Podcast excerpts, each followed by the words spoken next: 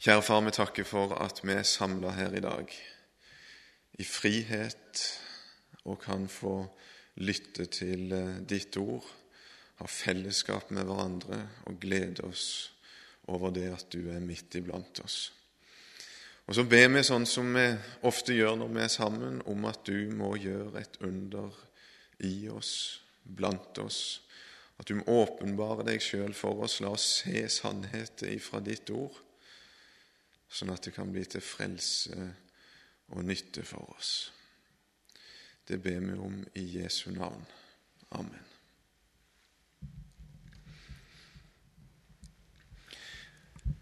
Vi får lese sammen fra Matteus 6, vers 24-34.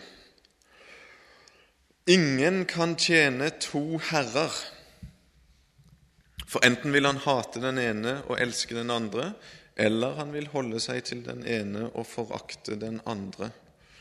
Dere kan ikke tjene både Gud og mammon. Derfor sier jeg dere, vær ikke bekymret for livet, hva dere skal ete og hva dere skal drikke. Heller ikke for legemet, hva dere skal kle dere med.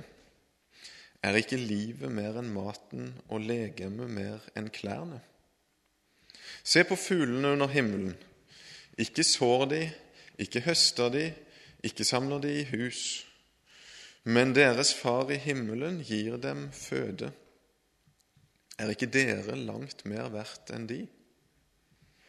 Hvem av dere kan vel med all sin bekymring legge en eneste alen til sin livslengde? Og hvorfor er dere bekymret for klærne? Legg merke til liljene på marken, hvordan de vokser. De strever ikke og spinner ikke. Men jeg sier dere, selv ikke Salomo i all sin prakt var kledd som en av dem. Men kler Gud slik gresset på marken, det som står i dag og i morgen kastes i ovnen, skal han da ikke mye mer kle dere, dere lite troende? Vær derfor ikke bekymret og si 'Hva skal vi ete?' eller 'Hva skal vi drikke?' eller 'Hva skal vi kle oss med?' For alt slikt søker hedningene etter, men deres himmelske Far vet at dere trenger alt dette. Søk da først Guds rike og Hans rettferdighet, så skal dere få alt dette i tillegg. Vær da ikke bekymret for morgendagen for morgendagen skal bekymre seg for seg selv. Hver dag har nok med sin egen plage. Jeg syns mange av ordene eller de ulike temaene som Jesus tar opp i bergprekenen, som eh, de ordene her er henta ifra, ofte er veldig utfordrende av og til litt vanskelig å vite helt hvordan vi skal forstå dem. Og, og bibeltolkere diskuterer det her opp og ned i mente. Hvordan er egentlig bergpreken å forstå? Er det, er det, lov, eller er det evangelium? Er det formaning, eller er det, er det trøst Jesus taler her? Og Jeg eh, skal ikke ta mål av meg til å svare på det i dag, men, eh, men vi skal komme litt inn på det. Det er en som sa at bekymringer det kan sammenlignes med å sitte i en gyngestol. Det er voldsomt mye bevegelse og voldsomt mye energi i gang, men du rikker deg ikke av flekken. Det er kanskje et godt bilde på hva bekymringer er. Jeg satt nettopp på bussen på fredags eh, ettermiddagen og var på vei til Tau. Jeg har vært på misjonsmesse der og, og, hatt møte sammen med Strandabuen. Det var veldig trivelig, forresten, og kjempeflott. Mye folk og god stemning.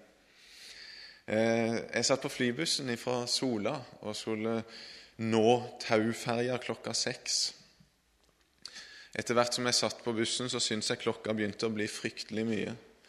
Og jeg stressa meg opp noe aldeles voldsomt og kjente at jeg var veldig, veldig bekymra.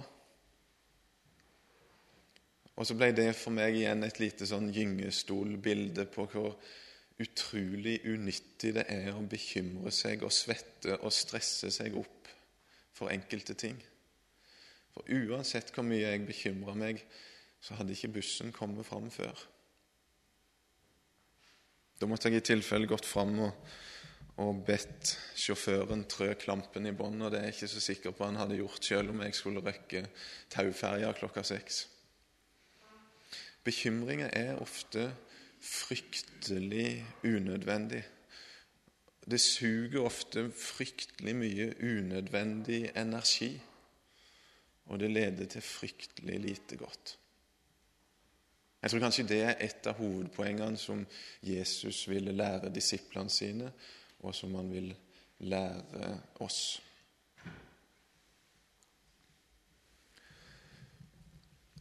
Når jeg har tenkt på de ordene her, så, så klarer jeg liksom ikke å, å um, bare tenke på den norske sammenhengen og, og, vårt liv. Jeg har tenkt på alt jeg har lært av mine brødre og søstre i Øst-Afrika og andre steder i verden om det her med bekymring. Og så har jeg tenkt på én ting til, og, det er det at det hadde sannelig ikke vært lett å lese vers 31 for ei somalikvinne som har, som har gått i ei uke med, med ungene sine og sett noen av de dø på veien for å komme til flyktningleiren der det er matutdeling. Hadde du våga å lese Vær ikke bekymret og si 'hva skal vi ete', eller 'hva skal vi drikke', eller 'hva skal vi kle oss med' til ei sånn dame. Nei, Det er sannelig mye vanskelig og mye paradoksalt i de her tekstene og i den virkeligheten som det forkynnes inn i. Men jeg tror det er noe som er likt uansett og det spørsmålet som jeg tror er viktig å stille seg, det er hvem er Herre i mitt liv? Hvem er Herre? Jesus han, han sier i innledninga til det vi las, at ingen kan tjene to herrer. Det går ikke an å tjene både Gud og mammon. Mammon, penger og rikdom, bekymring for å å kave til seg enda mer. Grådighet kan kanskje mammon òg oversettes med. Ingen kan tjene både Gud og mammon. Det er en skikkelig vekkelsestale til meg i dag. Og Det kan være greit å merke seg at, at Jesus like før har lært disiplene å be Fader vår.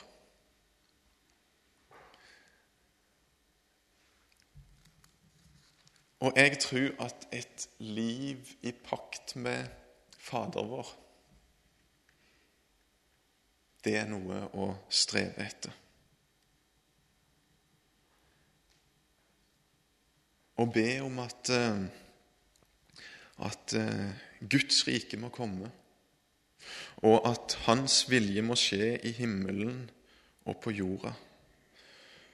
Og be Han om å gi oss vårt daglige brød. Og bekjenne at riket er hans, og makten og æren i evighet. Jeg tenkte på det når jeg, når jeg forberedte meg til den eh, stunda her, at det tror jeg jeg skal være litt bevisst på når jeg ber Fader vår framover. At, at at det må bety litt mer i livet mitt enn å bare ramse det opp, som, som Jesus òg advarer disiplene sine om. Ikke be som hedningene som bare ramser opp noe greier. Men, men, når jeg ber Fader vår, så har jeg lyst til å ta med meg bekymringene mine.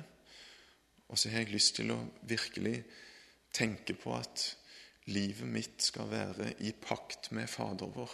Sånn at Gud kan få førsteplassen, og sånn at Hans vilje kan skje og Hans rike komme gjennom mitt liv. Det går ikke an å tjene både Gud og mammon samtidig. Én må få førsteplassen. Jeg er helt overbevist om at at mitt liv eh, kan bli bedre og litt mer bekymringslaust. Eller det blir et feil ord å si, men litt færre bekymringer dersom jeg lever livet mitt i pakt med Fader vår.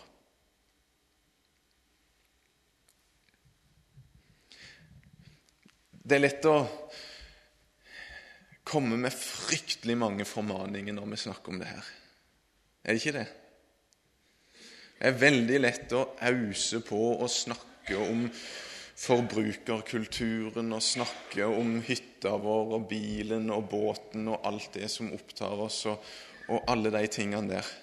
Og jeg, jeg, jeg, tror det er nødvendig å snakke om det, og jeg tror det er nødvendig at vi hver for oss stiller oss noen spørsmål om, om ressursbruk, om hvem som er førsteplassen i livene våre, og hvordan vi prioriterer alt sammen. Og Jeg er helt overbevist om at, at vi har mye å gå på når det gjelder å virkelig realisere det at Gud får førsteplassen, at Herren blir nummer én, og at livet er i pakt med Fader vår.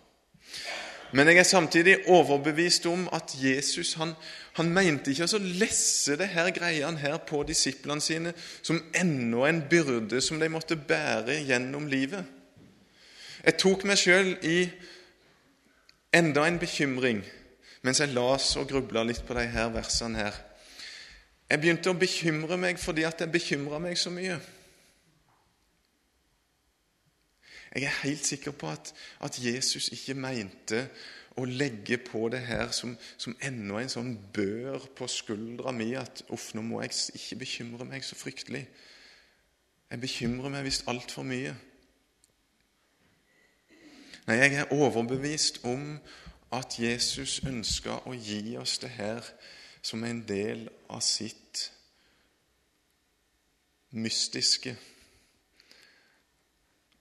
og sjokkerende gode og overraskende evangelium. Og Saken er ganske enkelt at du skal slippe å bekymre deg. Du skal slippe å bekymre deg for fortida di. Og de tabbene du har gjort og de fallene som du har begått.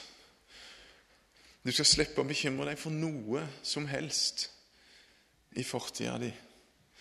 Og Jesus legger ekstra vekt på det at morgendagen den har nok med sin egen plage. I dag hjelper Herren, sier vi en annen plass i Bibelen. Jeg er overbevist om at Jesus ikke sa de her ordene for at disiplene eller du og meg skulle bekymre oss enda mer. Men jeg tror at det skal være et evangelium til oss i dag. Akkurat som blomstene og liljene på marken og fuglene og alt det som Gud har skapt, som, som ikke bekymrer seg Sånn kan faktisk du og meg leve òg. Igjen så tror jeg det har litt med det å sette Herren først å gjøre. Å lære Han skikkelig å kjenne. De her disiplene som Jesus gikk sammen med i, i tre år, de var ufattelig trege til å lære. Du verden så mye de opplevde sammen med Jesus. Og du verden så mye de bekymra seg likevel. Og jeg kjenner meg så veldig i slekt med disiplene. Det, det, er ikke lite jeg har fått oppleve sammen med Frelseren min i løpet av livet. Likevel er jeg så fryktelig treg til å tro, og til virkelig å stole på Han. Og til å virkelig gi meg sjøl over til Han og be om at Hans vilje faktisk må skje. At Hans rike må komme. For, for det er jo Han som har makten og æren i, i all evighet. Det er evangeliet til deg, kjære venn, som, som strever og bærer på altfor mange byrder fra fortida og framtida.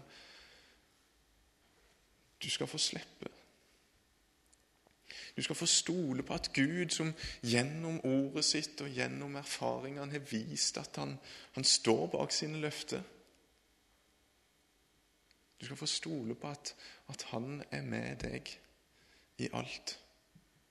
Abraham og Sara de har jeg grubla litt på i det siste.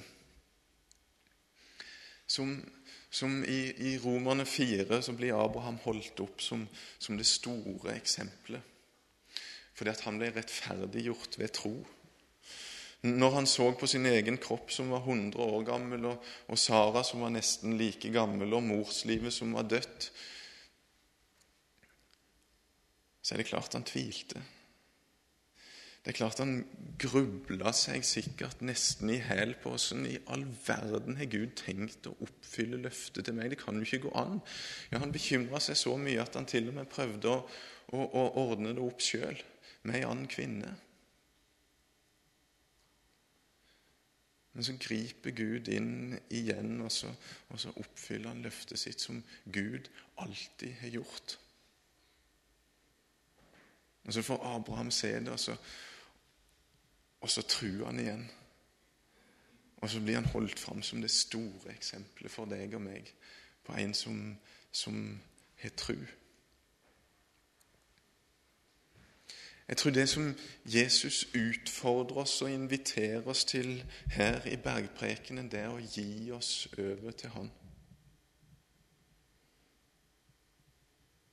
Å erfare og kjenne at Gud er god, og at Han faktisk holder alle sine løfter. Ikke som en ny byrde, men som et evangelium.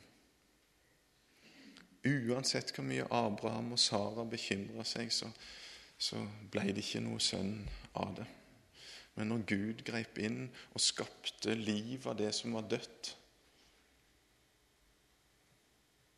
da så de at eh, Gud han kan sannelig oppfylle alle sine løfter.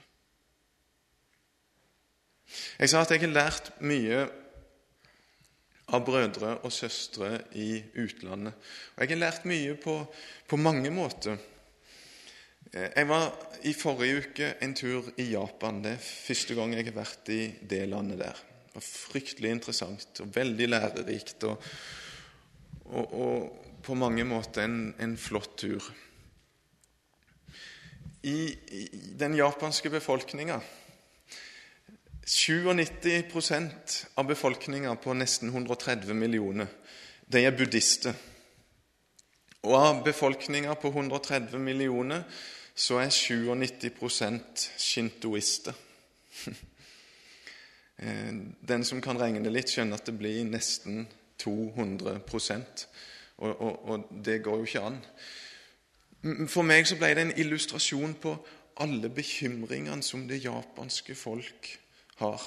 Og Gud, Jesus nevner det her òg, at, at, at, de andre, de som, som, som, ikke er i folden, de bekymrer seg fryktelig mye. Og ja, det er sant.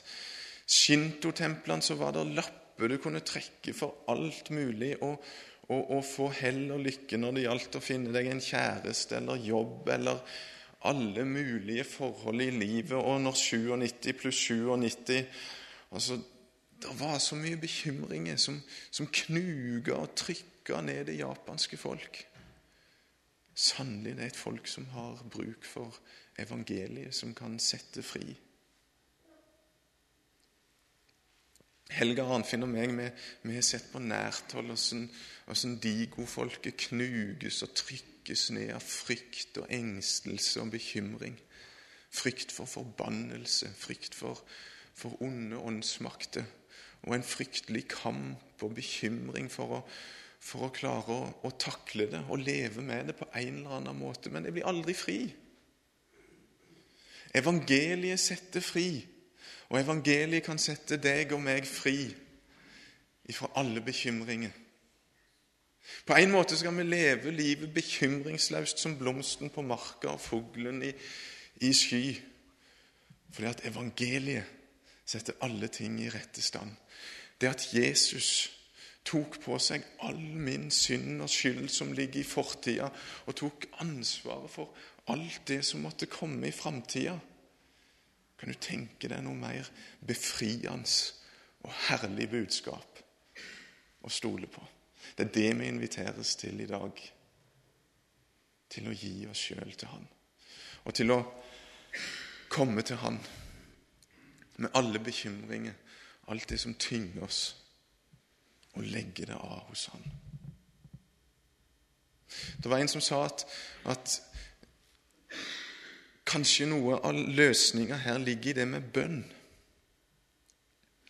Bønn, det, det skulle egentlig være sånn det at jeg, at jeg, kom til Han og fikk legge på Han alle mine bekymringer og, og, og, og alt sammen. Men ofte så, så, blir det sånn at vi ber, men så fortsetter vi å gå og bære på alt det som bekymrer oss. Det er så vanskelig å stole på at Gud faktisk kan ta seg av det. Kanskje det skal være en øvelse for oss når vi ber Fader vår, og når vi ber ellers. At nå skal jeg få legge det her på Herren. Han hører. Han kjenner meg. Han vet om alle situasjoner som jeg er oppe i, og han har lovt å ta seg av fortida mi og framtida mi.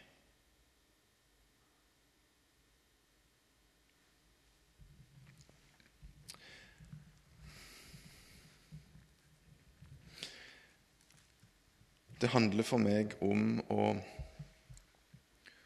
kjenne Gud og få en enda dypere kjennskap til Han.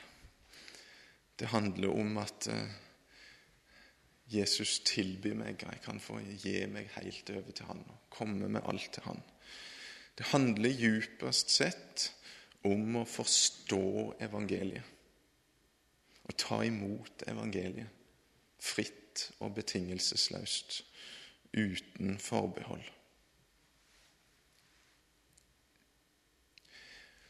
Jeg har ennå ikke helt kommet til rette med hun somalidama som sulter, og som har sett barna sine dø av sult. Jeg har ennå ikke kommet helt til rette med hvordan jeg skal forkynne det her evangeliet til henne. Men jeg tror kanskje det har noe med det som Jesus innleder med å minne oss på i dag. Jeg tror hennes situasjon er et speilbilde av at det er altfor mange av oss som setter mammon først og Gud på andreplass. Jeg tror egentlig det er det det handler om. At vi fordeler ressursene i verden så fryktelig skjevt. Det skulle ikke være nødvendig for et eneste menneske i dag å sulte. Men jeg håper at, eh, at du og meg kan være sånne som, som setter Gud først, og som lar det få følge for, eh, for livet vårt. Til slutt en bekymring som jeg ofte, som jeg ofte går og bærer på. Det er bekymringen for, for Guds rike. Jeg er ofte fryktelig bekymra for hvordan i all verden skal det gå med kristenheten i, i Norges land. Vi ser at det blir, det blir, færre rundt omkring. Vi ser at det, det, er færre som bryr seg om Gud. Og de bryr seg fryktelig mye om alt de eier og har, og, og, og det er veldig rasjonalistiske i tenkinga si i hele Europa. Jeg var i Japan og ble egentlig ganske bekymra over Guds rikes tilstand der.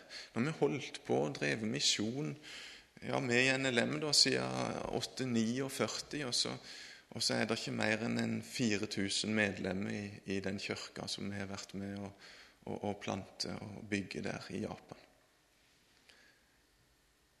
Ofte jeg er fryktelig bekymra for, eh, for Guds rike. Kanskje du kjenner det sånn òg? Jeg ville tro at, at, det var noe som var kjent for ganske mange som, som er med i, i, Guds familie på, på jord og ønsker at den skal vokse og, og, bli så stor som mulig, og at det skal være vitalitet og liv og glede og, og vokster. Du, den bekymringa der, den er iallfall fullstendig nytteløs og grunnløs og helt på trynet å gå og digge med for oss alle sammen. For Gud, han har kontrollen. Gud, han vet nøyaktig hvordan han vil føre sitt rike fram til seier, akkurat sånn som han har lovt.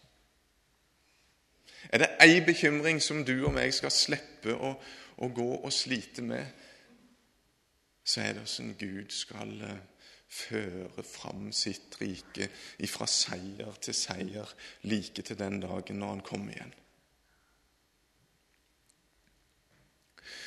Med det mener jeg selvfølgelig ikke at vi skal slutte å planlegge eller slutte å tenke gjennom hvordan kan vi, hvordan kan vi gjøre arbeidet vårt så, så, bra som mulig, sånn at vi får med oss flest mulig i, i Sandnes og, og, i Norge og, og i Japan og overalt. Og det tror jeg ikke Jesus tenkte på heller når han, når han ga det her. Det, det, er klart at Jesus er realistisk.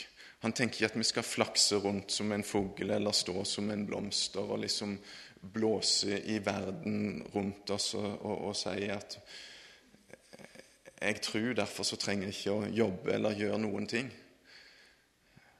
Bekymringer som Jesus advarer mot, det er noe helt annet. Og bekymringen for Guds rike, det er en bekymring som jeg skal slippe å gå og bære på. Men i trygg forvissning, i trygg forvissning om at Gud fører sitt rike fram til seier, så skal jeg bruke vettet mitt og forstanden min og kreativiteten og kjærligheten som Han har gitt meg, for å vinne så mange som mulig. Jeg trenger ikke å bekymre meg, og jeg trenger ikke å hjelpe Gud for å få det her til. Men jeg kan, jeg kan stille meg inn i Hans vilje. Og i trygg forvissning om at Han fører riket sitt fram til seier, så kan jeg jobbe det jeg makter. Og slite meg ut, gjerne sakte, men sikkert, i vissheten om at Han fører riket sitt fram til seier. En av grunnene til at jeg kan si det helt sikkert, det er det synet som, som Johannes fikk se. Når han fikk skue inn i, i, i det framtidige Guds rike og fikk se hvordan det faktisk skal bli. Vi må huske på det når vi, når vi leser Johannes' åpenbaring og leser noen av, av, av, det her som tydeligvis er, er framtids... Uh, synet som Johannes fikk, så er det ikke noe som man tror kanskje skal komme til å skje en gang i tida, men det er en framtidig realitet. Deretter så jeg å se en stor skare som ingen kunne telle, av alle folkeslag og stammer og folk og tungemål. De sto for tronen og for lammet, kledd i lange, hvite kapper og med palmegreiner i sine hender. Og de ropte med høy røst og sa:" Frelsen tilhører vår Gud, Han som sitter på tronen og lammet. Han sitter på tronen. Han ser deg og vet nøye om din situasjon. Du kan trygt få overgi deg hele livet ditt til Han. Fortida, framtida. Vi som ønsker å jobbe i Guds rike og, og bekymre oss fryktelig for åssen i all verden skal det gå. Han sitter på tronen. Vi skal bare få prise Han og gi oss sjøl til Han. Skal vi jobbe det vi kan, i vissheten om at Han er på tronen, og Han fører sin sak fram til seier. Skal vi hvile i det evangeliet i dag. Kjære far, vi, vi blir av og til litt forvirra og skjønner ikke alltid dine ord til oss. Nå ber jeg om at det vi har snakka om i dag, at det må være noe som du kan bruke, far, som du kan minne oss på. Takk for at du ikke vil legge byrde på oss, men gjennom Jesu ord så vil du gi oss evangeliet. Takk, far, for at, eh, at du fører din sak og ditt rike fram til seier, på tross av og ved hjelp av oss. Takk for at vi skal få hvile hos deg, og hjelpe oss når vi, når vi ber. Og lære deg å kjenne og stole på deg, du som er på tronen. Amen.